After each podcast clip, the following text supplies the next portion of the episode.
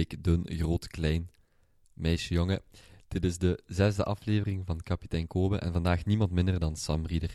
Sam Rieder, voor de mensen die hem niet kennen, zijn misschien bekend met Jazzwick. Jazzwick is een, ehm, een, een bedrijfje dat staande bureaus maakt, zowel voor scholieren als ook particuliere klanten. En momenteel vrij veel onderzoek doet naar de effecten van staand werken op ons menselijk lichaam en onze gemoedstoestand en wat dan ook. Um, Jazzwick heeft vorig jaar een Kickstarter-campagne gelanceerd.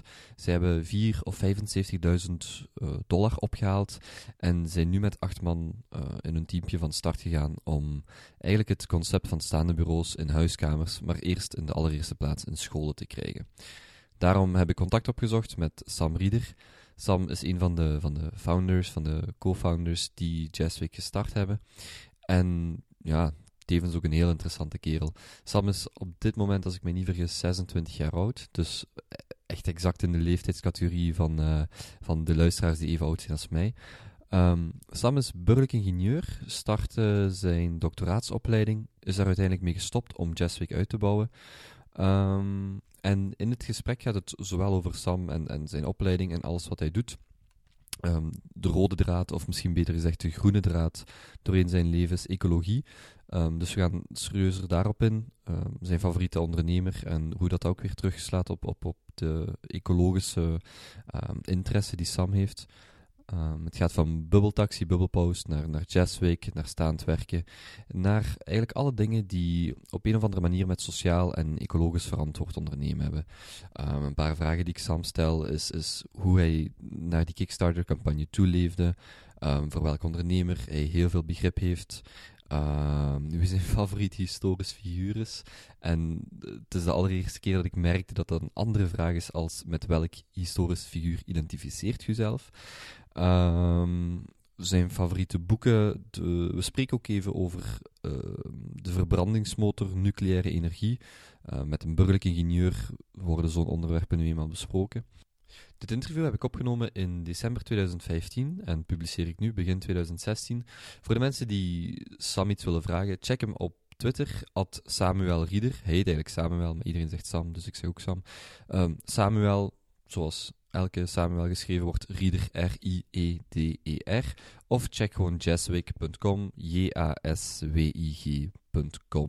Ten slotte nog even vermelden dat de bureaus niet zo gemakkelijk aan te kopen zijn als een pak brood. Ze zijn iets duurder dan dat. Um, dus die vraag stel ik Sam ook, wat eigenlijk de, de waarde is, de investering in uw eigen gezondheid en hoe je die zelf kunt uh, rechtvaardigen. Wel, dat is het zowat. Ik heb heel veel genoten van het gesprek. Ondertussen dronk ook een beetje thee samen, want zo hoort dat natuurlijk. En ik hoop dat zijn vriendin, want die was op die dag aan het proberen tickets van Adele te kopen, dat ze in haar missie geslaagd is. Want ik heb het gevoel dat ik wel in die van mijne geslaagd ben. Heel veel plezier met dit interview. Check sowieso kapiteinkobe.be slash Sam of slash Samuel. Dan kom je sowieso bij het uh, uiteindelijke artikel terecht. Heel veel luisterplezier. Dag. Sam Rieder, um, goedemiddag. We zitten hier in Gent. Uh, bedankt om tijd vrij te maken. Ja, graag gedaan. Uh, ik ken jullie, of ik ken u via de Kickstarter-campagne van Jazzweek. Um, daar gaan we zo dadelijk nog een heel stuk over babbelen. Mm -hmm. um, kunt je toelichten wie eigenlijk Sam Rieder is, waar een gewone persoon Sam Rieder wel eens kan tegenkomen en uh, hoe we hier bij elkaar zijn gekomen? Ja, iedereen zal wel horen van, aan mijn accent dat ik van Gent ben, dus ik denk dat het het meeste kans hebt om mij tegen te komen hier in het Gentse. Ja, wie ben ik? Ik ben um, een, een, ondernemer net uh, vanaf, vanaf mei. Ik, uh, ik heb gestudeerd hier ook in Gent en ik ben na mijn studies begonnen met een doctoraat. Ik heb dat dan stopgezet omdat ik al, ja, al heel lang een droom had om, om te ondernemen. Samen met mijn, met mijn vrienden eigenlijk, mijn vriendengroep waar we in zitten. En um, ja, nadat ik negen maanden aan het doctoreren was, hadden we dan de mogelijkheid om een, idee, om een idee uit te werken. En het was dan ook het juiste moment in ons leven. En we zijn er dan ook volop voor gegaan. Dat is een beetje wie dat ik ben op dit moment. We zijn ons bedrijf uit de grond aan het stampen. En ik vroeg u net op voorhand, voor het gesprek, u bent van, uh, van 89. Ja, inderdaad. Dus uh, pas 26 geworden. Pas 26 jaar, ja. Heel jong en, en nu al mee bezig. Sam, um, we komen zo dadelijk uitgebreid natuurlijk terug op Jazzweek en, en um, de reden waarom je met je doctoraat gestopt bent. Ja. Um, ik zag op uw LinkedIn-profiel, als ik mij niet vergis, dat je ook met Bubble Taxi bezig bent ja. geweest en Generation T. Zijn dat twee dingen die je kunt toelichten? Ja, dus eh Bubble Taxi is een bedrijfje die we gestart zijn terwijl ik nog aan het studeren was. Ik heb dus ehm, ik heb industriële ingenieur, ingenieur bouwkunde gestudeerd en daarna nog burgerlijke ingenieur bouwkunde bijgestudeerd. Alle twee ook afgemaakt. Ja, alle twee afgemaakt inderdaad. Anders kon ik niet echt doctoreren. Ehm, en dan Bubble Taxi zijn we toch begonnen ja, gedurende dat ik nog industriële ingenieur eh, studeerde. Ik zat in mijn tweede jaar, denk ik. En eh, ik had dat idee samen met, met drie vrienden. We hebben dat dan ook eh, verder gedaan met mijn broer. Ik ben daar dan uitgestapt, omdat ik nog mijn studies wou afmaken. En mijn broer heeft dat dan verder gezet. En daar is ook Bubble Post uit, eh, uit voortge- voortgekomen. Generation T is, is nog... Bubble Post nog even, is, een, Ja. is nu op, eh, operationeel in het Gentse? Of? Ja, In, ehm, in het Gentse, in heel België eigenlijk, ook in Nederland, in Spanje en in Frankrijk ook. Mhm. Zij zijn sterk aan het groeien. En proberen dus ja, een ecologische pakket delivery aan te bieden in het Zijn altijd via die, die fietsmobielen, als ik Ja. ze zo mag noemen? Ja, ja maar ook eh, andere voertuigen. Dus, Ja. eh, ja. Oké. En dat is eigenlijk het principe dat een grote, een grote logistieke partner bijvoorbeeld, die moeilijker de stad inkomt, dan met zijn vervuilende trucks er ofwel niet inkomt of veel moeilijker, en jullie daar een uh, goedkoper en sneller alternatief Ja. bieden. Dus gewoon een, st- een distributiecentrum waar alles naartoe komt, gecentraliseerd wordt. En dan efficiënt wordt uitgestuurd naar de Mhm. binnenstad. En daar zitten jullie nu al dan buiten België al een, of, of daar is Bubble Taxi dan eerst en Bubble Post Ja, eh, inderdaad. serieus aan het uitbreiden? Ja. Goed. Die zijn nu drie jaar bezig en eh, ja, die zijn, die zijn goed, bezig goed. aan het groeien. Dus eh, dat is wel tof om te zien. Ja, en, en daar zat je dan ook eh, van in het begin Ja, bij? ja. oké. Maar ik heb dan, ehm, omdat er, ja, er zijn daar investeringen in gekomen in dat bedrijf. En eh, die investeerders vinden dat niet zo leuk als er daar aandeelhouders in zitten die niet echt veel doen. En ik was toen nog aan het studeren, dus ik heb dan mijn aandelen aan mijn broer verkocht. En mijn vrienden hebben dat ook gedaan aan de vernoot van mijn broer. Ehm, dus hoe, oud werd je toen? Dat was in 2012, dus dat is eh, drie jaar geleden. Ja. Toen was ik 23. Oké. Of 22 nog, ik weet niet precies wanneer dat was. Maar... En het ecologische aspect, het milieuvriendelijke aspect, komt dan ook terug in Generation T? Ja, inderdaad. Dus ehm, dat is waar we toch al lang ook als vriendengroep mee bezig zijn. Ecologie, dat vinden we zeer belangrijk. We, we reizen ook altijd samen veel en graag. En daarvan is dat ecologisch of het respect voor de natuur toch wel gekomen. Ze willen in alles wat we doen eigenlijk ook een beetje die pijler doortrekken. En dat was ook een van de redenen waarom dat we ooit met Bubble Taxi zijn begonnen. Generation T ligt ook in die lijn inderdaad. Dat is een soort van eh, dat is een netwerk eigenlijk van, van personen, die, van 100 personen, die iets uit willen Gentse? Uit, Nee, eh, nee, helemaal niet. Is uit heel België of Vlaanderen. Mhm. Ja, nee, zelfs Brussel ook, het Franstalige gedeelte ook. Die ehm, ja, een duurzaam idee hebben over de toekomst en die daar dan ook wel effectief iets aan willen doen. Zo brengt die mensen een beetje samen.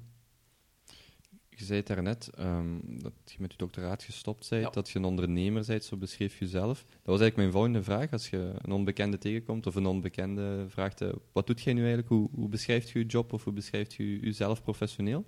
Ehm, ja, het is een beetje raar inderdaad om te zeggen ondernemer echt. Ik, ik, ik zie mijn eigen niet echt zo, alhoewel dat ik, dat ik toch wel allee, het gevoel heb dat ik dat het liefst zou doen. Gewoon met mijn eigen dingen bezig zijn, mijn eigen zaken uitwerken. Dat is een beetje hoe dat ik het zou beschrijven, dan puur persoonlijk. Van, ik ben gewoon graag bezig met, met een idee dat ik in mijn hoofd heb gehad en dat ook wel effectief dan in de praktijk uit te proberen werken.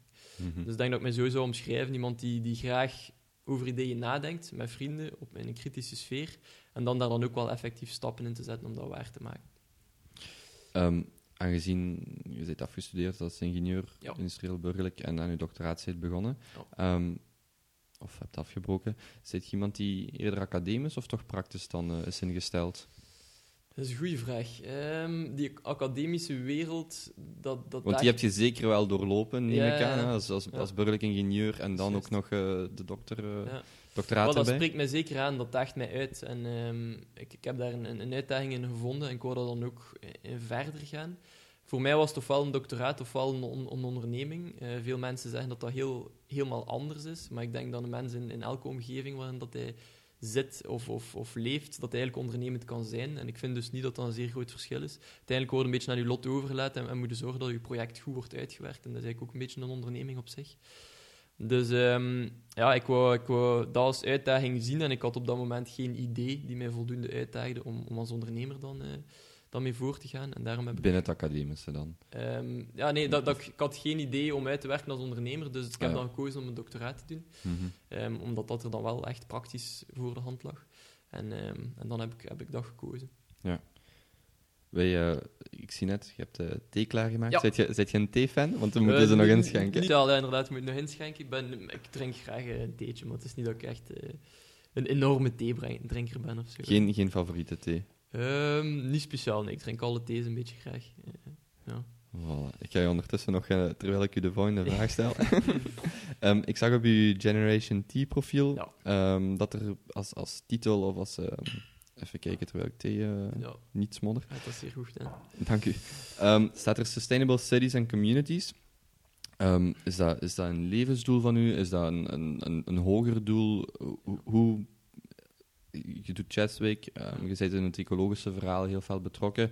Als ik dan Sustainable Cities and Communities zie, dan denk ik, ja, eh, dat is die Sam Rieder zijn grote doel. Is, is dat ook zo? Dat is inderdaad wel een beetje zo. Ik denk dat we op termijn naar een systeem moeten ehm, waarin dat mensen ja, samen in steden leven op een goede manier. Omdat ik, ik geloof wel echt in het stedelijke.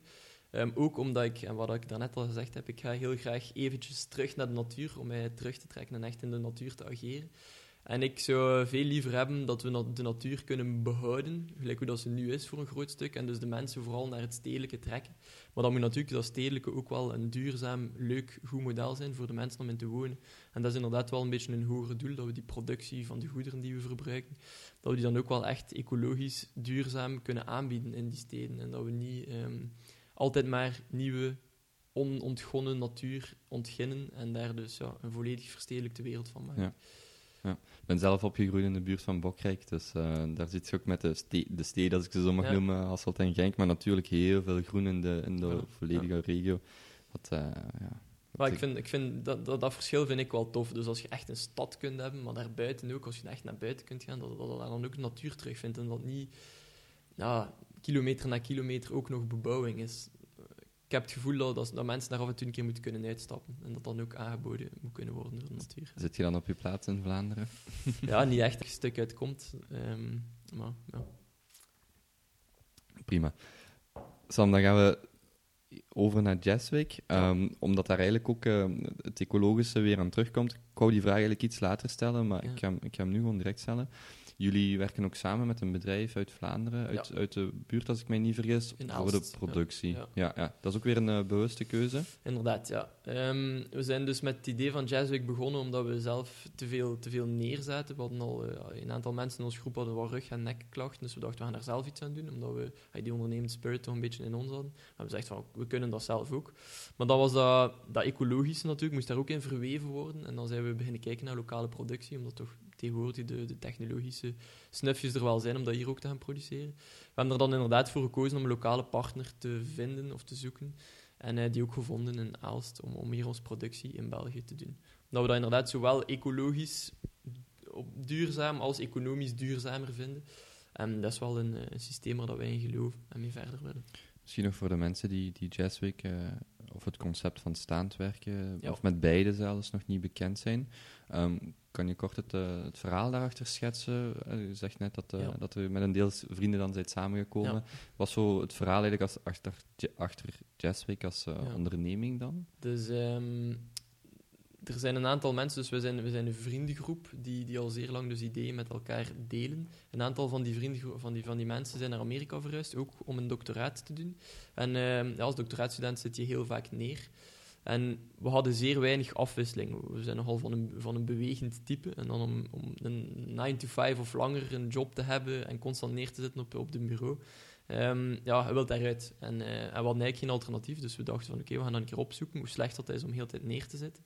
En eh, of dat er daar dingen voor bestaan. We zijn dan op internet gekomen op een aantal mogelijkheden. En we dachten van ja, we kunnen dat even goed of beter. Dus laten we daar gewoon eh, iets rond bouwen. En we hebben dat dan ook eh, gedaan. Mhm.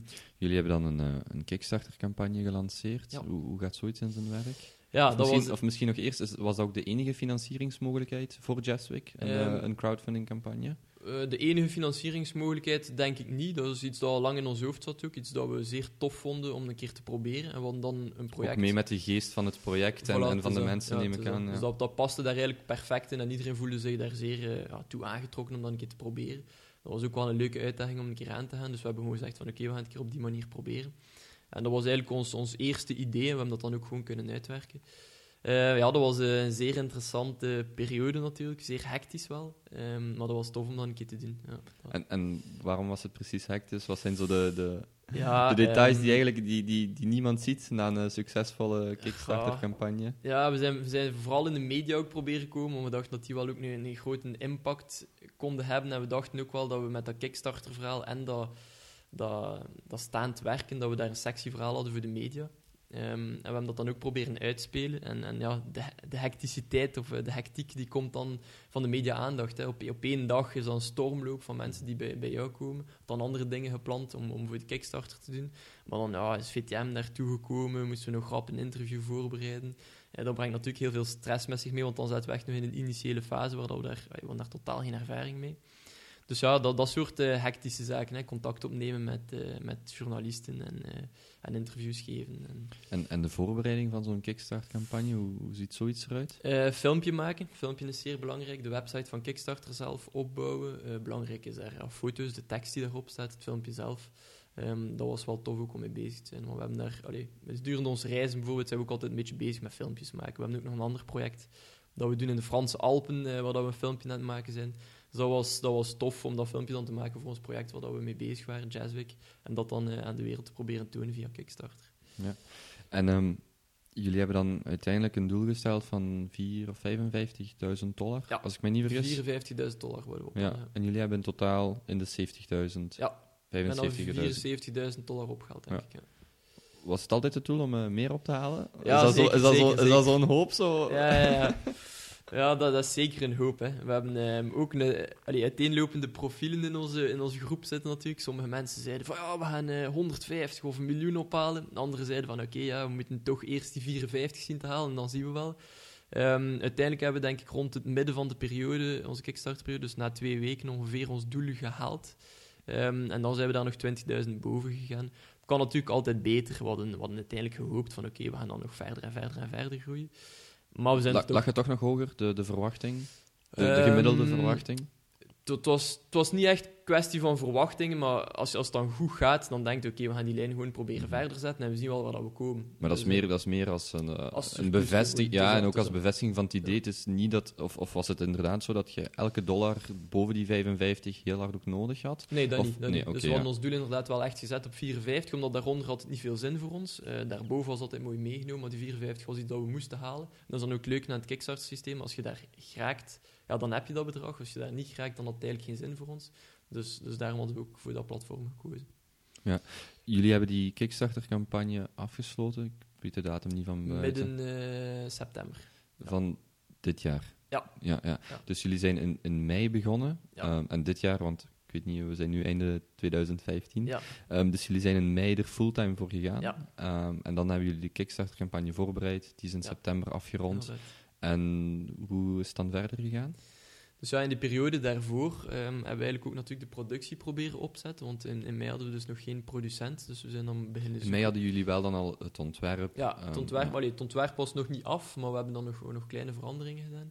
Uh, maar daar waren we dus inderdaad vanaf mei mee bezig. Hè. Naar mensen stappen, praten van oké, okay, zijn jullie geïnteresseerd bijvoorbeeld in scholen om, om dat product aan te kopen. Een beetje een marktonderzoek onderzoek gaan doen. Dan ook die, die productie opzetten, wat ook wel redelijk veel werk met zich meebracht. Um, en dan inderdaad de voorbereiding voor de Kickstarter. Uh, daarna, wat hebben we daarna nog gedaan?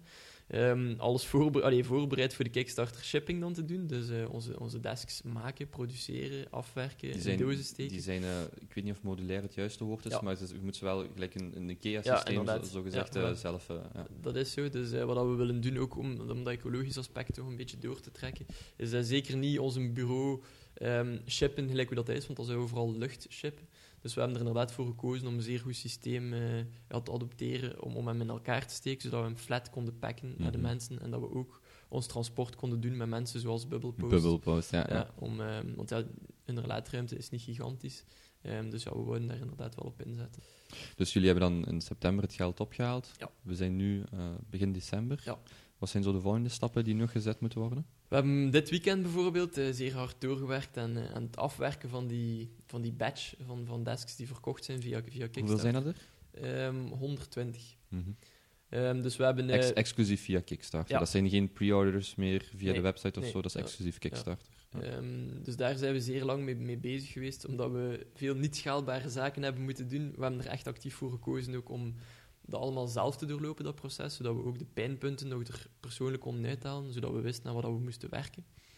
Um, en daar zijn we nu eigenlijk al heel het weekend mee bezig geweest. En we hebben die nu afgezet bij Bubblepost en die worden nu geleverd. Eh, Vlaanderen, wereldwijd. Is daar een Eh, verdeling nog in? Of dus direct Europa, wereldwijd? Europa. Dus we hebben de productie ook in Amerika opgezet. En dus alle Amerikaanse orders via de Kickstarter worden door Amerika eh, verzorgd. En de mensen die het hier in Europa besteld hebben, Mhm. die worden hier dan in Aalst geproduceerd. Is die, die splitsing van de productie een ecologisch of een financiële Ja. keuze? Ecologisch ook, want we konden eigenlijk perfect... ah, ja, ecologisch en financieel. ehm, om dat dan te exporteren van Amerika uit en dan hier te importeren, ja, dat zou zeer veel tijd, transport en ook invoertax gekost hebben.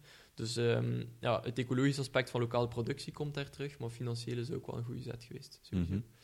Je zegt net dat eh, in mei het volledige ontwerp klaar was. Jullie Ja. hebben drie modellen. De Ja. kinderstand, als ik het zo mag noemen, ehm, voor, voor jonge Ja. kinderen. Vanaf Ja. hoeveel jaar is dat dan? Is vanaf ehm, zes jaar dat het Of, van welke grootte misschien? eh? Ja, wel, het is dat. ik was er ook al aan het denken. Ik ken het nu niet van buiten wat dat de ellebooghoogte, want daarop Mhm. werken we, is. Ehm, maar het is ja, rond zes jaar kunnen al aan onze, Ja. aan ons bureautje En dan zijn er drie modellen. Ik neem aan één wat eerder op vrouwen nog gericht is en één Ja. eerder op mannen. Inderdaad, ja, vrouwen of, of de lagere school, zeggen wij dan, dan Mhm. vaak, of de beginjaren van, eh, van het middelbaar. En dan inderdaad het volwassen model. Mhm. En die zijn allemaal ook eh, verstelbaar in hoogte. ja, die zijn allemaal verstelbaar. in Weet je van buiten hoeveel speling dat daar zo gezegd op zit? Misschien een, een Ehm, tijd uitgedrukt. Als ik, als ik eh, morgen een kleine heb van zes jaar, hoe, lang, hoe lang kom ik toe met een bureau van jullie? Dus ehm, de smal, daar hadden niet zo lang ehm, mee, mee, kunnen, mee kunnen voortgaan, denk ik. Tot, ik heb een nichtje van 8, 9 jaar, die kan nog net aan de, aan de hoogste stand van de smal En staan. daarmee bedoelt je de ellebooghoogte om erop te werken? Ja, Dus de ellebooghoogte, dat is, dat is de hoogte waarop dat je bureau vlak moest staan. Ehm, dus ja, zij zou dat dan concreet kunnen gebruikt hebben van eh 5 tot 8, 9. Ehm, en dan eigenlijk kun je vanaf, denk ik, 7 jaar ook al aan de medium staan. Dus eigenlijk is de medium wel, wel een goede optie. Die kunnen dan gebruiken totdat een meter 80 bent. Dus ik kan nog perfect aan de hoogste stand van de medium staan. Ehm, maar dat is natuurlijk al een beetje tricky. Als je volwassenen in huis hebt of verkoopt hem echt voor volwassenen, dan is er vaak ja, een, een, een man groter dan een meter 80. Ze zijn wel beter dat je, dat de large versie koopt. Is een meter tachtig eh, het, het eh, verschil tussen de medium en de large? Eh, Ik ben bijvoorbeeld een meter 84 Ja. en ik weet niet, ellebooghoogte zal een, staat dan Zo'n 95? 70%, ja, van Ah, oké, dan toch nog iets totaalhoogte. hoger. En kan ik hem dan zowel eh, voor, een, voor een kleinere persoon ook gebruiken? Pak een, een, een meter 70 of De zo? large dan wil De je? Ja, die ja. kun je gebruiken totdat je goh, denk een meter 60 of meter 50 zit. Ja, ah, ja oké. Dus de large is echt wel eh, voor veel eh, vers- voor, voor mensen met verschillende Ja, lengtes inzetbaar. Ja. Tot 2 meter zeker kunnen gaan staan. Dan is hij nog ergonomisch verantwoord. En Mhm. Ehm, even kijken. Er zijn, er zijn superveel interessante Ja. vragen die, die ik nog wil stellen. Ehm, ik ga beginnen bij, bij deze. Er zijn drie verschillende ontwerpen, drie verschillende maten. Ja. Hoe ziet een ideale klant van Jazzweek als, als bedrijf eruit? Zijn dat individuele, die een, eh, zoals jij en ik, die dat bij hun thuis gaan zetten? Of richt, richt je toch vooral op scholen en bedrijven? We moeten heel eerlijk zijn dat we, dat we daar nog een beetje in een testfase zitten. Dus we hebben, eh, eerst hadden we ons bureau ontwikkeld voor scholen. Omdat we ervan overtuigd zijn, ja, aangezien dat zitten niet zo goed is voor de gezondheid, zijn we ook naar die schoolmarkt gaan kijken. Want we vonden het raar dat kinderen daar aangeleerd kregen om te lang neer te zitten. En die trekken dat dan door natuurlijk naar hun, naar hun eh, vervolg van hun leven. Tot je in eh, contact komt met het beslissingsproces van een, van Ja. een school. Wel, wel, voilà, inderdaad, dat was dan een beetje het probleem waar dat we nu mee gepaard... eh allee, mee, mee, ja, daar dat we nu een beetje in het probleem zitten. We hebben dan ook die Kickstarter-campagne gedaan.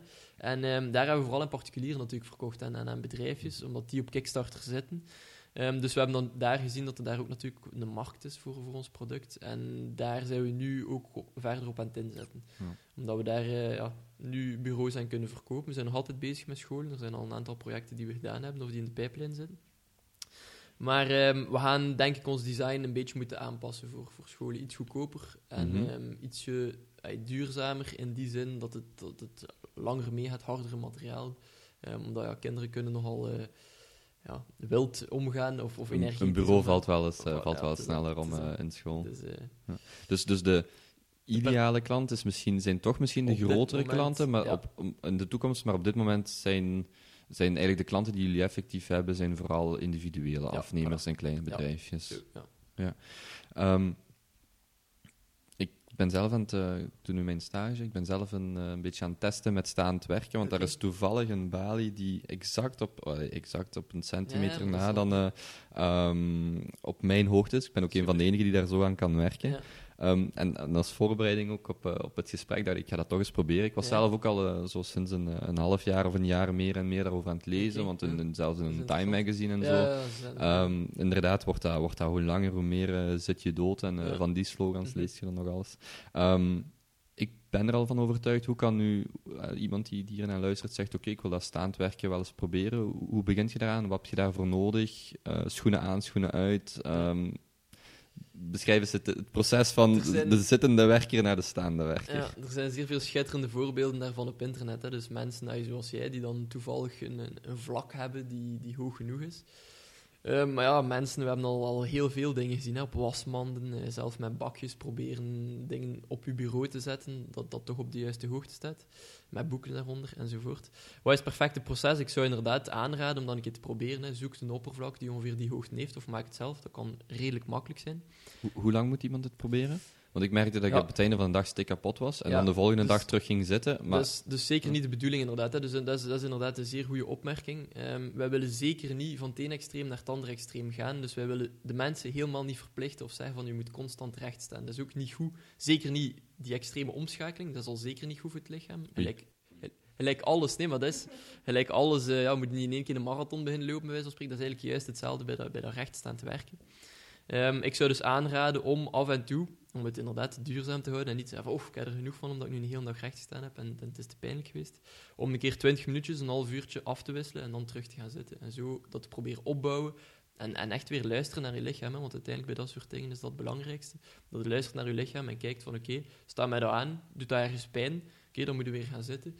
Eh, schoenen, ik zou aanraden om eh, misschien ja, zachte sloffen, eh, pantoffels aan te doen. Of een soort van yogamatje of, of iets anders onder je voeten te Mhm. leggen. Omdat inderdaad die voeten het, het eerste punt zijn waar dat de last zou kunnen krijgen. Ehm, dat is ook iets dat je, dat je gewoon wordt, dus die pezen en die, die structuren of die weefsels worden sterker. ik wou juist zeggen, het werkt ook versterkend. Zeker Ja, voor. zeker. eh, Ja, ja, voilà. ja. Dus ook, ook naar, naar de spieren toe. Hè. Dus wat, dat, wat dat goed is aan recht zijn, is dat je grote spiergroepen gebruikt in je lichaam.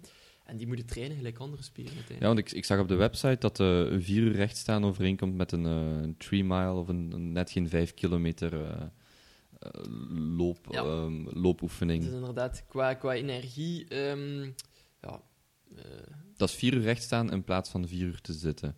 Ja. Dus Dus dat- wat, het ook, wat ook wel misschien leuk is om een keer aan te halen, als je recht staat, dan zijn je vrijer om af en toe van posities te veranderen. En daarom is ook die voetsteun bij ons zeer belangrijk. Dat ga je niet hebben dan als je het gewoon op een, eh, op een, eh, een bak oefent. Ehm, maar het is bijvoorbeeld helemaal anders voor je lichaam om één voet een beetje omhoog te tillen en op iets te zetten. Want dan neemt druk weg van je onderrug.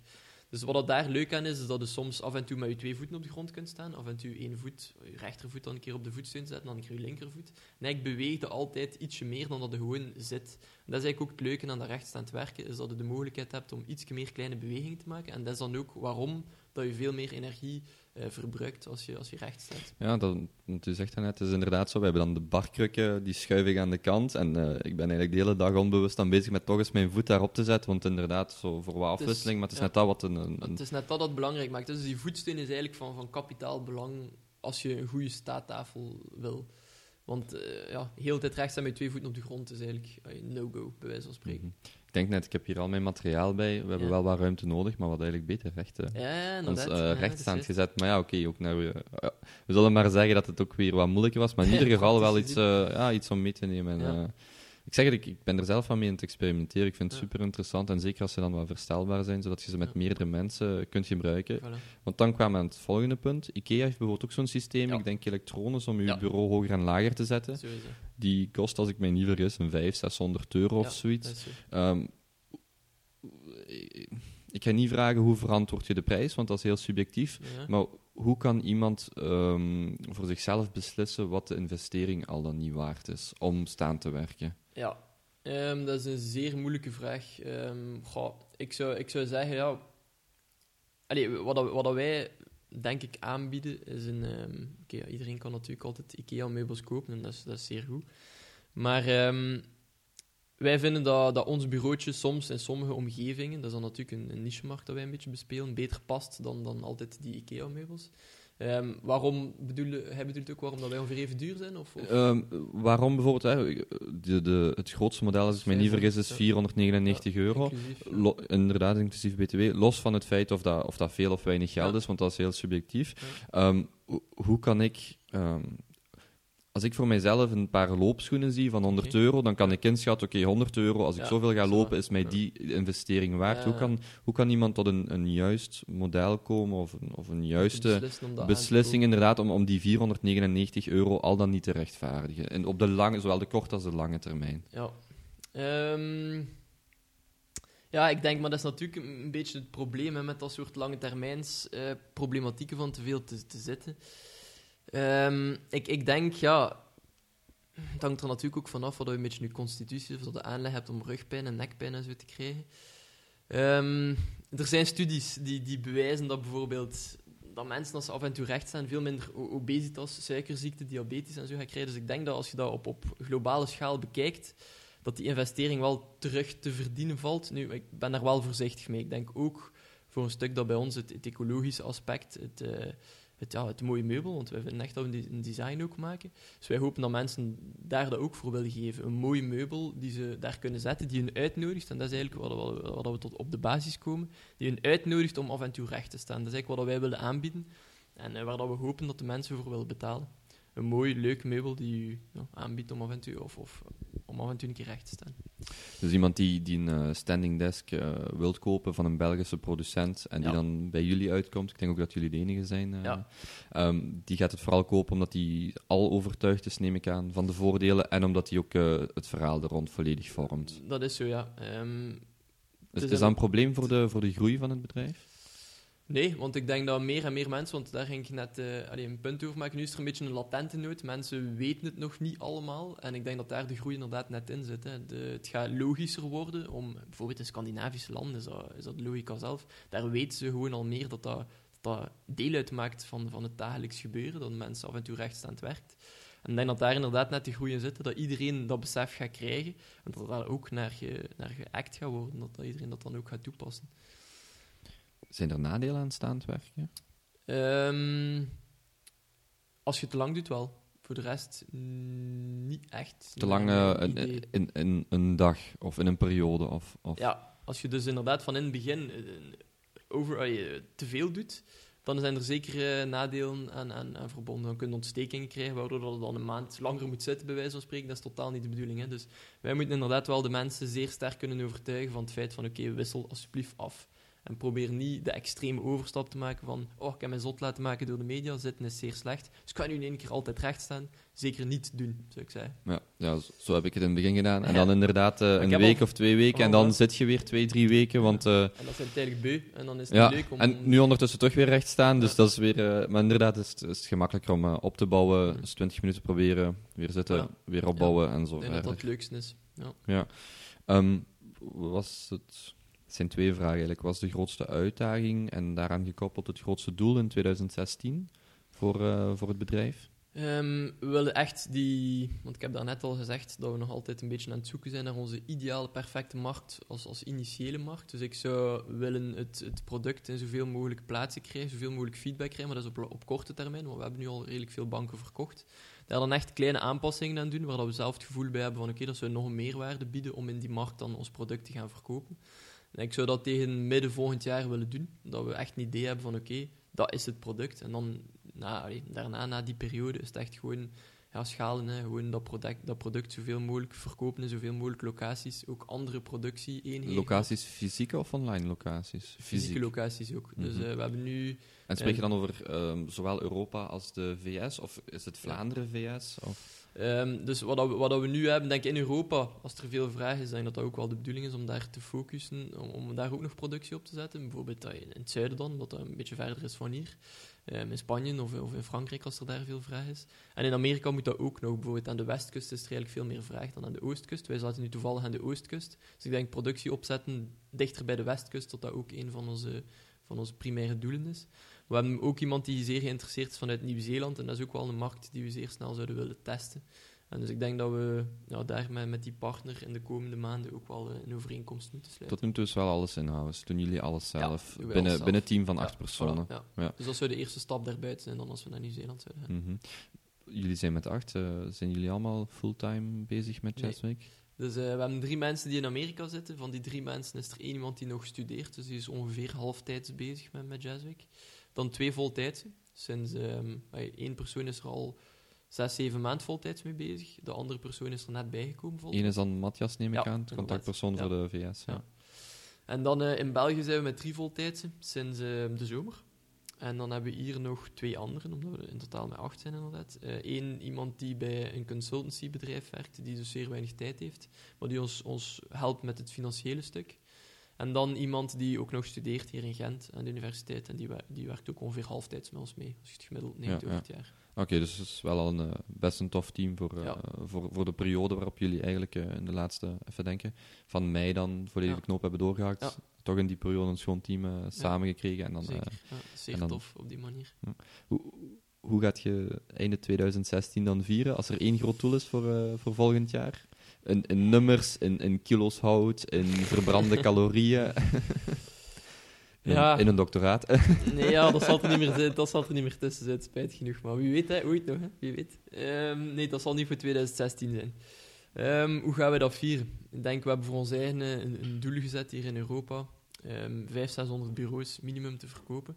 Ehm, Eh, voor, voor eind volgend jaar dan. Ja, dat is zeker. En dan eh, in Amerika zeker hetzelfde. Ehm, maar ik zou, onze, onze grootste droom zou zijn dat we echt die, die productie goed hebben opgezet. Dat we nog één productie-eenheid of zelfs twee hebben, hebben bijgenomen. Dat die productie echt vanzelf gewoon loopt. Dat is die dan in Zuid- Zuid-Europa bijvoorbeeld? Ja, bijvoorbeeld. Ja. Mhm. Of, of in de westkust in, eh, in Amerika. Dus Nieuw-Zeeland wil ik sowieso doen, omdat we daar nu echt een goed contact hebben. Dus dat is één. En dan inderdaad eh, in Europa nog één bij. Dus als we dat kunnen doen, gewoon dat alles in de doos komt bij ons, of zelfs niet meer bij ons, dat zou onze grote droom zijn. Dan zouden we bereikt hebben wat we willen in 2016. Oké, oké.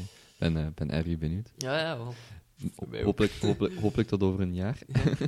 Ehm, we hebben een heel stuk gepraat over uzelf. En dan nog een heel stuk over Jazzwick. Ik zou, eh, want dat is een beetje het formaat ook van de interviews. Mensen weten nu ongeveer Ja. wie Sam Rieder is en zeker wat, eh wat Jazzwick doet. Ik heb nog een paar vragen die ik u zou willen stellen. Ehm, eh, eer- eerder persoonlijke vragen, los van, los van, het, eh, van het bedrijf specifiek. Ja. Is er een favoriete ondernemer? Of misschien bedrijf? Een bedrijf of een ondernemer waar jullie naar eh, modelleren? Of, of jij Ja, persoonlijk? wij, ehm, ik heb trouwens een trein, maar dat zien jullie niet, van Patagonia. Wij, ehm, we zijn, allee, we, wij vinden dat echt een super, super tof merk. We, zijn- we gaan graag naar buiten, we reizen graag, we trekken graag in de bergen. Patagonia heeft ehm, ons materiaal nageleverd om dat te doen. En ze hebben zo'n toffe visie, ook de, de persoon die daarachter zit, Yvonne, is... is eh, Belgisch bedrijf? Nee, dat is een Amerikaans bedrijf. Amerikaans Ja, bedrijf. is een, een bedrijf uit Californië die begonnen is met klimgrief te maken. Klimmen ook zelf. Ehm, en dan daarna apparel, dus gewoon eh, kleren voor, voor outdoor eh, activiteiten mee te doen. En ehm, ja, die heeft een ecologisch, maar echt diep ecologische visie. Ehm, en die doet daar alles aan om, om in die markt eigenlijk de persoon te zijn die, die de mensen overtuigt om niet zoveel meer te consumeren. Gewoon te consumeren wat we nodig hebben. En als je dan consumeert, echt wel de goederen te consumeren. Of te, want consumeren, dat heeft eigenlijk niet graag dat, dat de mens dat zegt. Want, ehm, of, of te gebruiken, bij wijze van spreken. Ehm, Consuminderen wel. ja, ja. Ehm, die, die, ehm, ja, die, dan gewoon zo goed mogelijk maakt. En hij, hij hij treedt echt actief op in het proces om die producten te maken.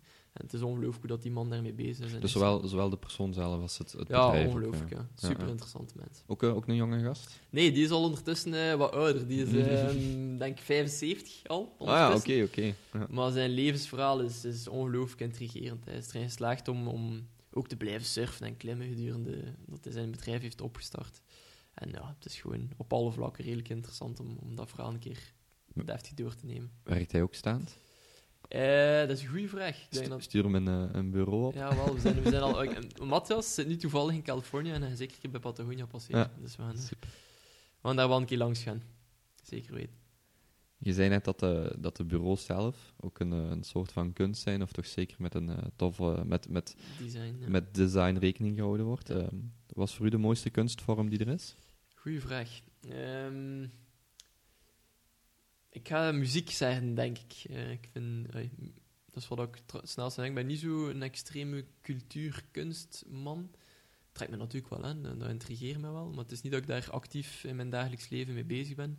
En dan de dichtste kunst die, die aanleunt bij mijn dagelijkse zijn, um, is, is muziek. Ja. Dus ik denk dat dat bij, bij veel mensen wel zo is. Um, ongelooflijk wat dat, wat dat dan met zich mee kan brengen, dat je gewoon een toontje hoort. Mijn vriendin zingt trouwens ook, zij, mm -hmm. zij, doet musical. Um, ja, dat je daar gelukkig van kunt worden. Dat je daar, uh, of, of triestig net van kunt worden. En dat dat wel, wel echt straf is, hè, door gewoon iets te horen. Dat, mm -hmm. En dat maakt ook voor een stuk ons leven een beetje, hè, onze emoties en waar ja. we mee bezig zijn. Dus ja. Vlaamse uh, zangers of zangeressen, die, uh, of, of Belgische? Ik of heb, is ik het vooral, heb, ik heb uh, vooral periodes gehad in mijn leven. Um, Bob Marley bijvoorbeeld, heb ik, heb ik veel naar geluisterd. Dat was, dat was vroeger ook een rap, een rap periode.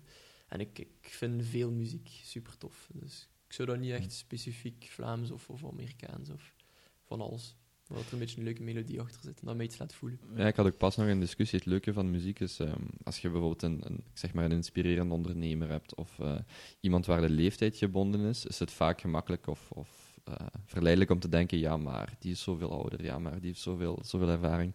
Terwijl als je morgen een mooi liedje, uh, mooi liedje hoort voor de allereerste keer, dat maakt eigenlijk niet uit of die, die, die zanger of zangeres 18, 38 of 88 is. Soms hoort je het, maar vaak ook niet. Nee. En dan is dat zo mooi dat iemand, als je dan naar die persoon kijkt of je zoekt dan op wie zingt dat, dan blijkt dat een kind van 15 of tegenovergesteld Ja, een, een zanger van 90 jaar te zijn. En dan de, de, dezelfde emoties die als je ze in de straat zou zien, zou je misschien denken, ja, da, daar ga ik nog niet eens mee babbelen, bij wijze Ja. van spreken. Want je Nee. ziet het, maar als je ze dan hoort en dat, dat, dat heel dat, dat verhaal van wie eigenlijk iemand is, een beetje wordt losgekoppeld, dat je daar zo van Ja. kunt genieten. Om dan, Dat is waar. ja, dat is ook, eh, ook een van mijn favorieten. Ehm, we hadden het voor het gesprek even erover. Ehm, een moeilijke vraag misschien, maar Ja. eh, welk middelbaar vak ehm, mag voor u direct verplicht worden? Goh, ja. Ik denk dat er binnen het onderwijs gewoon. Ik ga daar ook een beetje voorzichtig in zijn, want het onderwijs wordt vaak gezien als plaats waar er nog zeer veel moet veranderd worden. Dus de druk op die mensen ligt denk ik gigantisch hoog. Maar langs de andere kant kunnen we er ook niet onderuit dat, eh, ja, dat het onderwijs een enorm interessant gegeven is. We kunnen daar nog heel veel mee doen. En ik denk wat ik een beetje gemist heb in het middelbaar, maar dat kan ook aan mijn eigen gelegen hebben in die periode, is dat je niet zoveel aan, aan zelfontplooiing kunt doen, omdat je verplicht wordt om, om andere zaken echt te doen en af te werken. Ehm, en ik zou dus ja, een soort van manier willen, willen proberen introduceren dat de mens ook een beetje meer op zoek kan gaan in die periode naar zijn eigen. Want je moet dan uiteindelijk toch ook een zeer belangrijke keuze maken op het einde van je middelbaar. Ehm, het begin van het middelbaar. ja, in het Ook- begin van ook het een heel middelbaar ook al. Ja. En ik vind dat, dat zeer moeilijk om die, om die keuze te maken. En ik denk dat zeer veel mensen daar ook mee, mee struggelen, om die dan ook effectief te maken. Dus ik denk dat het logisch zou zijn om de mensen echt gedurende zes jaar, of zelfs daarvoor inderdaad al in het lager ook gedurende die zes jaar, gewoon ook een beetje aan hun eigen te laten werken. Op, op, op veel concretere manieren dan dat nu gebeurt.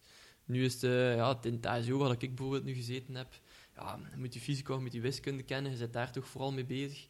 Maar ook die, die, die kinderen een beetje ademruimte geven om op zoek te gaan naar iets dat ze tof vinden, zodat die keuze, want ja, er zijn altijd maar keuzes die erbij komen, iets makkelijker wordt, of de richting toch al iets makkelijker wordt om te kiezen. Denk dat we daar wel kinderen mee zouden kunnen helpen. Maar ik heb daar, allee, ik, heb, ik heb het ook gezegd, ik vind dat een zeer moeilijke vraag. Ik heb daar geen concrete invullende zaken voor, dat ik echt zeg van oké, ze moeten dat nu doen. Maar zo'n beetje die, die zachtere aanpak, die zelfontplooiing, die, dat groepswerk vind ik ook zeer belangrijk, want dat is iets dat, dat in het latere leven ook zeer belangrijk wordt. Ehm, dat, dat dat een beetje meer ontplooid wordt. Ik Concre- vind dat dat een con- beetje... eh, concrete tips voor, eh, voor het onderwijs? ja. Als je morgen voor een klas staat, hoe ehm, zorg je ervoor dat een, eh, een zou- 15-jarige zich, zich meer kan ontplooien? En, en Ik- natuurlijk, je bent maar alleen en het is, een, het, het is meer als één leerkracht, maar Nee, maar ja, moest ik het doen... Allee, ik geloof ook wel zeer hard in de leerkracht. Ik zou niet liever willen dan, dan een zeer goede band opbouwen met, met die kinderen. Ik denk dat de mensen die voor de klas staan niet alleen het vak kunnen, kunnen altijd bijleren, maar ja, het zijn altijd ook oudere mensen voor een stuk. En ervaring is niet altijd even belangrijk. Maar om gewoon met menselijke manier, op een menselijke manier met die kinderen om te gaan, ik denk dat ze daar heel veel uit kunnen bijleren. En ehm, ja, ik zou dat dus niet liever doen, bijvoorbeeld, met, door, mijn inzichten een beetje te delen, ze uit te dagen op, op ja, hoe zeg dat, op, op, dagelijks niveau, hè, eh, waar dat ze mee bezig zijn, wat dat ze doen, hoe dat ze omgaan met mensen, dat ook een beetje aanleren. Of, of daar ook over praten, niet alleen over het vak waar dat om gaat. vind je het een goed idee of een goede ontwikkeling dat uh, vooral hogeschoolopleidingen dan, maar ook universitaire opleidingen steeds specifieker worden. Bijvoorbeeld, mijn, uh, mijn moeder is uh, verpleegkundige met specialisatie vroedvrouw. Tegenwoordig zijn die opleidingen zo gestructureerd dat iedereen al in een specifieke richting geduwd wordt. Is dat bijvoorbeeld in de leerkrachtopleiding iets waar je zegt, ik heb liever een leerkracht die van alles een beetje weet, maar wel met, met specificaties? Of zeg je, nee, doe mij maar een, eh, een leerkracht godsdienst, een, een opleiding leerkracht godsdienst, leerkracht Nederlands, een, een opleiding specifiek? Of zeg je, nee, ik, zou denk, ik denk dat het beter is om een algemene opleiding te hebben. Net om, om, om die zelfontplooiing en zo. Ik denk dat dat... Ik zou eerder neigen ook naar het, naar het algemene, omdat ik ook denk, als die persoon meer specifieke kennis zou willen gaan opdoen op een bepaald vlak, dan kan hij dat ook. Zeker als hij ook een mooie basis heeft kunnen leggen in de algemene wereld, of in, in het algemene onderwijs. Dus ik, ik denk niet dat het inderdaad de taak is van, van de scholen of universiteiten om altijd heel specifieke opleidingen te geven. En dat zeker in het begin van de opleidingen belangrijk is om, om iedereen ja, een beetje meer keuzevrijheid te geven en, en te bouwen aan hun algemene zelf. En dan uit die algemene zelf zeer interessante voor die persoon dan specifieke onderwerpen te destilleren, om op die manier ja, meer te werk te gaan. We hebben het um, misschien aansluitend, want we komen weer bij, uh, bij bevoegdheden en politiek. Um, we hebben het heel veel over, over ecologie en zo gehad. Um, wie is of waar ligt de bevoegdheid op politiek niveau voor uh, een groener België of een groenere wereld? Waar dat, dat politiek gezien ligt? Wie dat, uh... Wa waar ligt de eindverantwoordelijkheid volgens u, als die er wel is? Mm, goh. Wie houden wij nu verantwoordelijk voor slechte eh, ecologische beslissingen tien jaar geleden? Of wie zullen ze, wie zullen ze over tien jaar verantwoordelijk houden voor, de, voor het falen van, van het milieu en, en ecologisch beleid in bredere zin dat we vandaag voeren? Ja, dat zal zeker wel de, politiek zijn, inderdaad. Um, maar langs de andere kant, bijvoorbeeld Generation T, dat zijn, dat zijn ja, groepen van mensen die daar echt actief mee bezig zijn.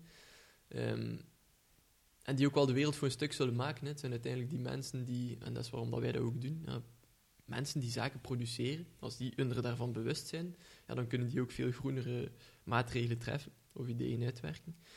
Um, dus uiteindelijk zal het wel bij de personen zelf liggen, maar ik vind toch wel dat er, bijvoorbeeld het signaal dat er nu is, ik heb dat niet echt extreem gevolgd op nieuws, ik heb daar niet zoveel tijd voor om dat, om dat nu extreem te volgen, maar dat er geen duiding is voor de mensen dat er, dat er op één rechte lijn kan gelopen worden in de politiek, denk dat dat niet echt leuk is voor de mensen om te horen die daarmee bezig zijn. Als zij gewoon zouden kunnen inzien van oké, het is belangrijk dat we bepaalde keuzes maken en dat we gewoon ervoor zorgen dat we met een, sterk, um, een sterke keuze naar buiten kunnen komen, dat vind ik spijtig op, op vlakken die, die zo belangrijk zijn.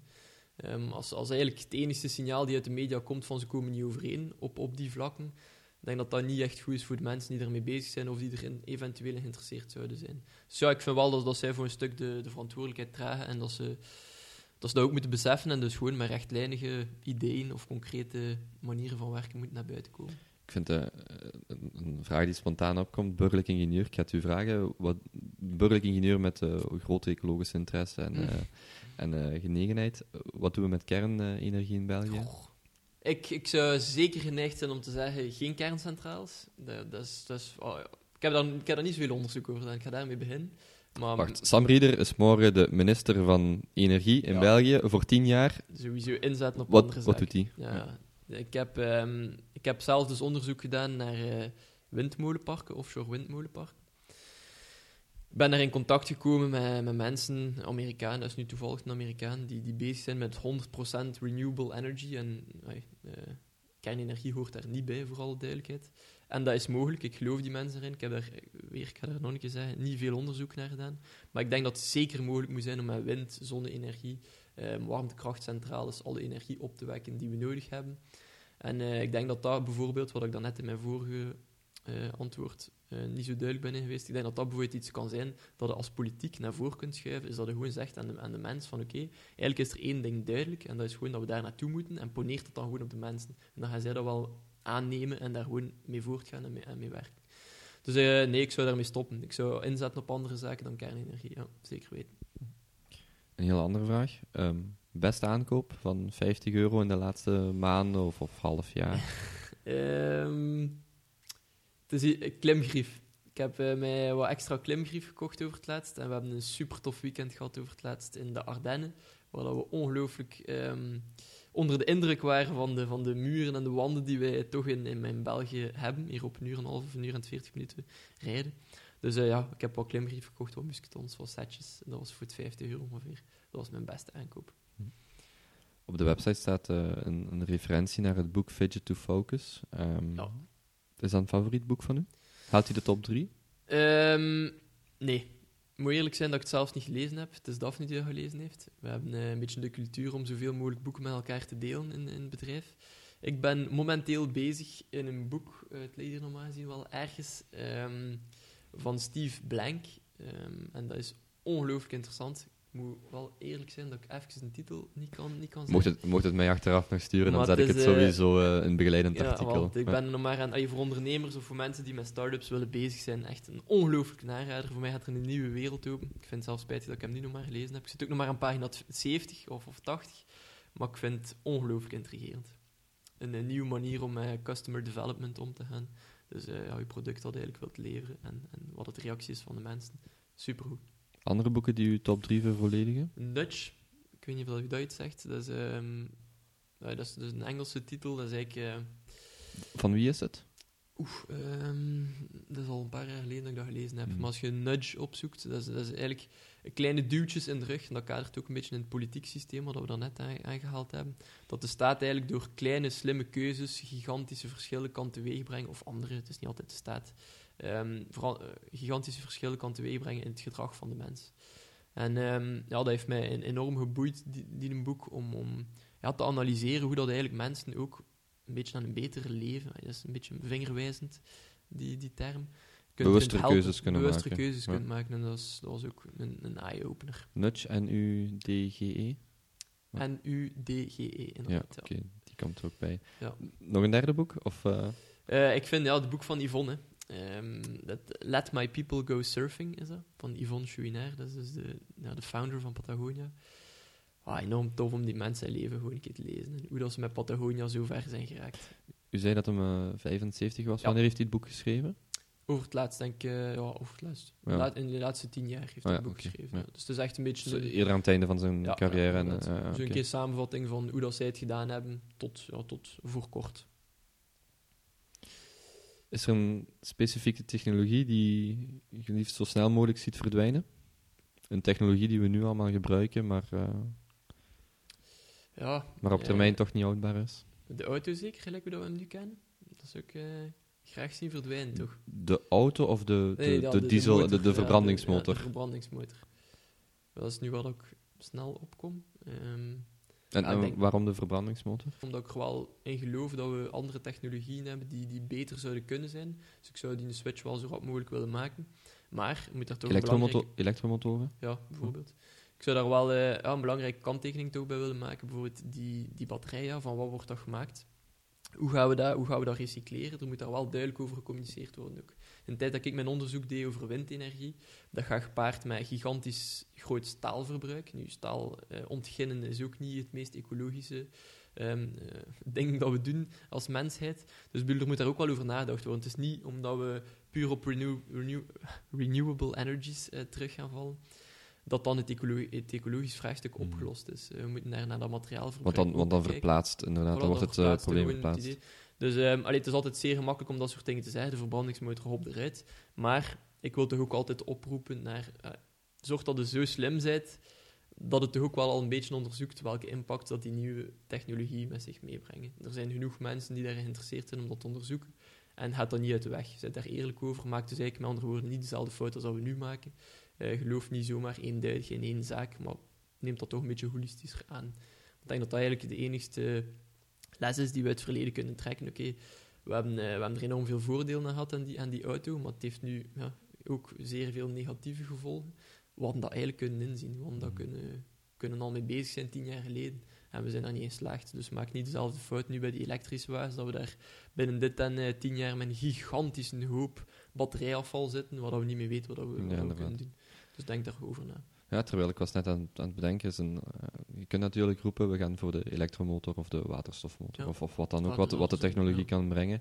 Maar inderdaad, om niet eh, dezelfde fouten te maken en tot, de, tot dezelfde conclusie te komen. Eh, maar ik volg wel volledig het idee dat een verbrandingsmotor de enige reden waarom het te houden is, is subjectief. Iedereen, eh, ik vind het ook wel stof om tot 5.000, 6.000 toeren door te trekken, maar voor, vooral voor het subjectieve, voor het geluid. Maar voor de rest heeft eigenlijk, dat is voor mij persoonlijk, Ja. maar eigenlijk een verbrandingsmotor heeft, eh, heeft heel weinig voordelen in de, in de toekomst die wij, die wij tegemoet gaan. Zeker, ja. denk ik ook. Sam, ik ga nog één vraag stellen. Ja, doen. Ehm, een favoriet historisch figuur van u? Ik kan hem nog moeilijker maken. Met welk historisch figuur identificeert u Ah, oef, want ik ging net eh, een antwoord geven die, die misschien niet echt in lijn lag van die tweede vraag. Ik ging Hitler zeggen, omdat we daar heel veel uit kunnen bijleren. Ik vind dat... Maar ik ga daar dus niet, ik Ja, dus oké. want ik, ik hoop dat ik me daar niet mee moet Oké, identificeren. dat is Dan als moet misschien aan mijn collega's vraag. eh, vragen. Ehm, eh, dus op wat moet ik Ja, verder doen? doe maar op de e- ja, doe, Op- doe maar. op Hitler dan? ben, ben benieuwd, ja, inderdaad.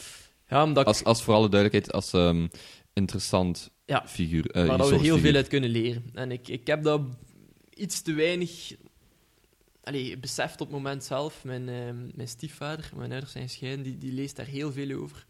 En de lessen die we daaruit kunnen trekken zijn gigantisch. Ook wat er tegenwoordig gebeurt, dat is eigenlijk brandend actueel. Ehm, de vluchtelingencrisis. Hoe makkelijk dat we...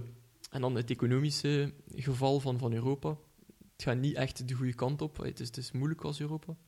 En dan nog dat soort problemen die op ons afkomen, dat soort sociale problemen, kan het zeer makkelijk zijn om te vervallen in een, ja, ehm, hoe zeg je, een populistisch model. En dat is eigenlijk waar, dat we, waar dat we echt van moeten opletten, in mijn ogen toch. En dat is wat Hitler perfect op ingespeeld heeft. Hij heeft een probleem waar dat elke mens mee geconfronteerd werd, een economisch probleem, heeft hij kunnen populariseren en heeft, hij heeft dat kunnen afschuiven op één groep mensen. En ehm allee, ik ben geen historicus, dus als ik, als ik fout ben en er luistert iemand die daar meer van kent, laat mij alsjeblieft weten. Maar ik denk toch dat dat een van de basisdingen is dat hij gedaan heeft. Hij heeft dat kunnen afschuiven op één bepaald volk. En ik, ik, ben daar, ja, ik heb daar een heilige schrik voor dat we dat weer zouden doen. Want we zitten echt in de situatie, op dit moment geloof ik, in Europa, waar dat, dat soort gevaren echt net om de hoek schuilen. Waar we aan de, de, de toppunt van een polariserend model misschien Ja. staan tussen, tussen heel veel Voilà. verschillende culturen, landen zelfs. Dus. Ja, ja, want ik- En ik, ehm, ik heb daar echt wel heel veel, heel veel schrik voor. nation- tweede, tweede vraag nog snel. Is nationalisme een eh, groot probleem voor Europa? Ja, ik denk, ik denk Want we dat zien als het echt puntje bij paaltje komt, bij veel Zeker. grote dossiers, ehm, dat het toch ineens weer... eh, Ik vind dat een beetje raar. Natuurlijk, ik ben, ben kritisch ook op mijn eigen. Want ehm, ik zeg dan, ik geloof, ik geloof bijvoorbeeld veel, veel, veel meer in Europa en veel opener. Ik denk dat dat bij de jonge mensen trouwens ook veel meer leeft. We zijn Europeanen. Ik voel mijzelf geen Vlaming of geen Belg. Ik voel mij veel eerder een Europeaan. Maar dan ja, je ook weer het probleem, een beetje gelijk bij die elektrische auto's. Je moet ook weer verder denken dan dat. Zijn we dan als Europa een groepje, die we dan eigenlijk, je zou dat dan kleiner kunnen toepassen als Vlaanderen een groepje. Zijn dan als Europa hetzelfde groepje als dat Vlaanderen zou zijn, ehm, met die mensen die meer nationalistische eh, ideeën hebben. Dus daar moet je ook wel weer dan voor opletten. Hè. Is dat dan de markt die je moet beschermen? Eh, Dan heb je ook concurrentiële, concurrerende markten. China, Amerika enzovoort. Dus ah, ik ben iemand die meer pleit voor een, voor een open economie, zeker niet nationalistische toestand, omdat dat populisme daar ook veel sneller, en ik denk dat dat wel het model is die mij daar meer in aantrekt in dat Europese, veel sneller naar dat populistische kunt gaan als je echt toespitst op een kleine groep mensen, zoals de Vlamingen. En dat is dan wat ik dan net geantwoord heb, eh, eh, ja, dat dat een probleem kan zijn hè, voor me. Dat we daar toch veel eh, van Hitler en onze korte geschiedenis kunnen, kunnen leren. Dat is toch uiteindelijk allemaal niet zo lang geleden. Nee, inderdaad, inderdaad. En dan ook altijd zeggen van, eh, ja, dat waren, allee, dat waren ook mensen zoals, zoals iedereen, hè, die, die, die meegedaan hebben met heel dat verhaal. En we moeten ons daarvan bewust zijn. Dat waren geen onmensen, dat waren mensen die, die gewoon in problemen zaten. En wij hebben nu exact hetzelfde voor. Goed. Een dikke merci voor uw tijd. Nee, merci om af te komen. Ja, heel graag gedaan. Juist geen uur, top. maar eh, ik, ik zeg het, ik heb nog eh 101 vragen die ik in principe kan stellen. Maar, Ja. Eh, Ja, ik praat ook eh zeer graag over dat soort onderwerpen, dus voor is Ja, het is, en het is leuk om, om met iemand samen te zitten die eigenlijk maar, eh, ay, maar twee jaar ouder is, omdat de meeste mensen, gok ik, gaan, eh, gaan iets ouder zijn. Maar het is tof om een verhaal te horen van mensen die echt jong zijn in dat aspect, maar toch al eh, heel veel met, eh, met goede dingen bezig zijn. Dus, Een beetje eh, van iedereen hebben. Ja. Het is dat, het is dat. Het is een dikke. Merci. Zo, dit was het gesprek met Sam Rieder. Ik hoop dat je ervan hebt genoten. Zoals ik in het begin zei, check kapiteinkobe.be slash Sam of slash Samuel. Dan word je alle twee doorverwezen naar het artikel dat bij dit gesprek hoort. Zoals altijd volgt er ook een artikel met inhoudelijke referenties, links, alles wat wij in dit gesprek aanhalen. ehm, vind je dan een, een referentie naar en kan je verder op zoek gaan, boeken, producten, bedrijven, de website waar je Sam kan contacteren en wat dan ook. Check ook kapitein Kobe slash nieuwsbrief. Als je nog niet bent ingeschreven, dan kan je direct daar um, je e-mailadres opgeven. Dan krijg je een e-mail met um, een wekelijkse update en een e-mailtje wanneer een interview gepubliceerd wordt. Voor de rest, heel veel plezier. Heel veel succes met de rest van uw dag, wanneer je dit ook beluistert. En tot de volgende week. Dag!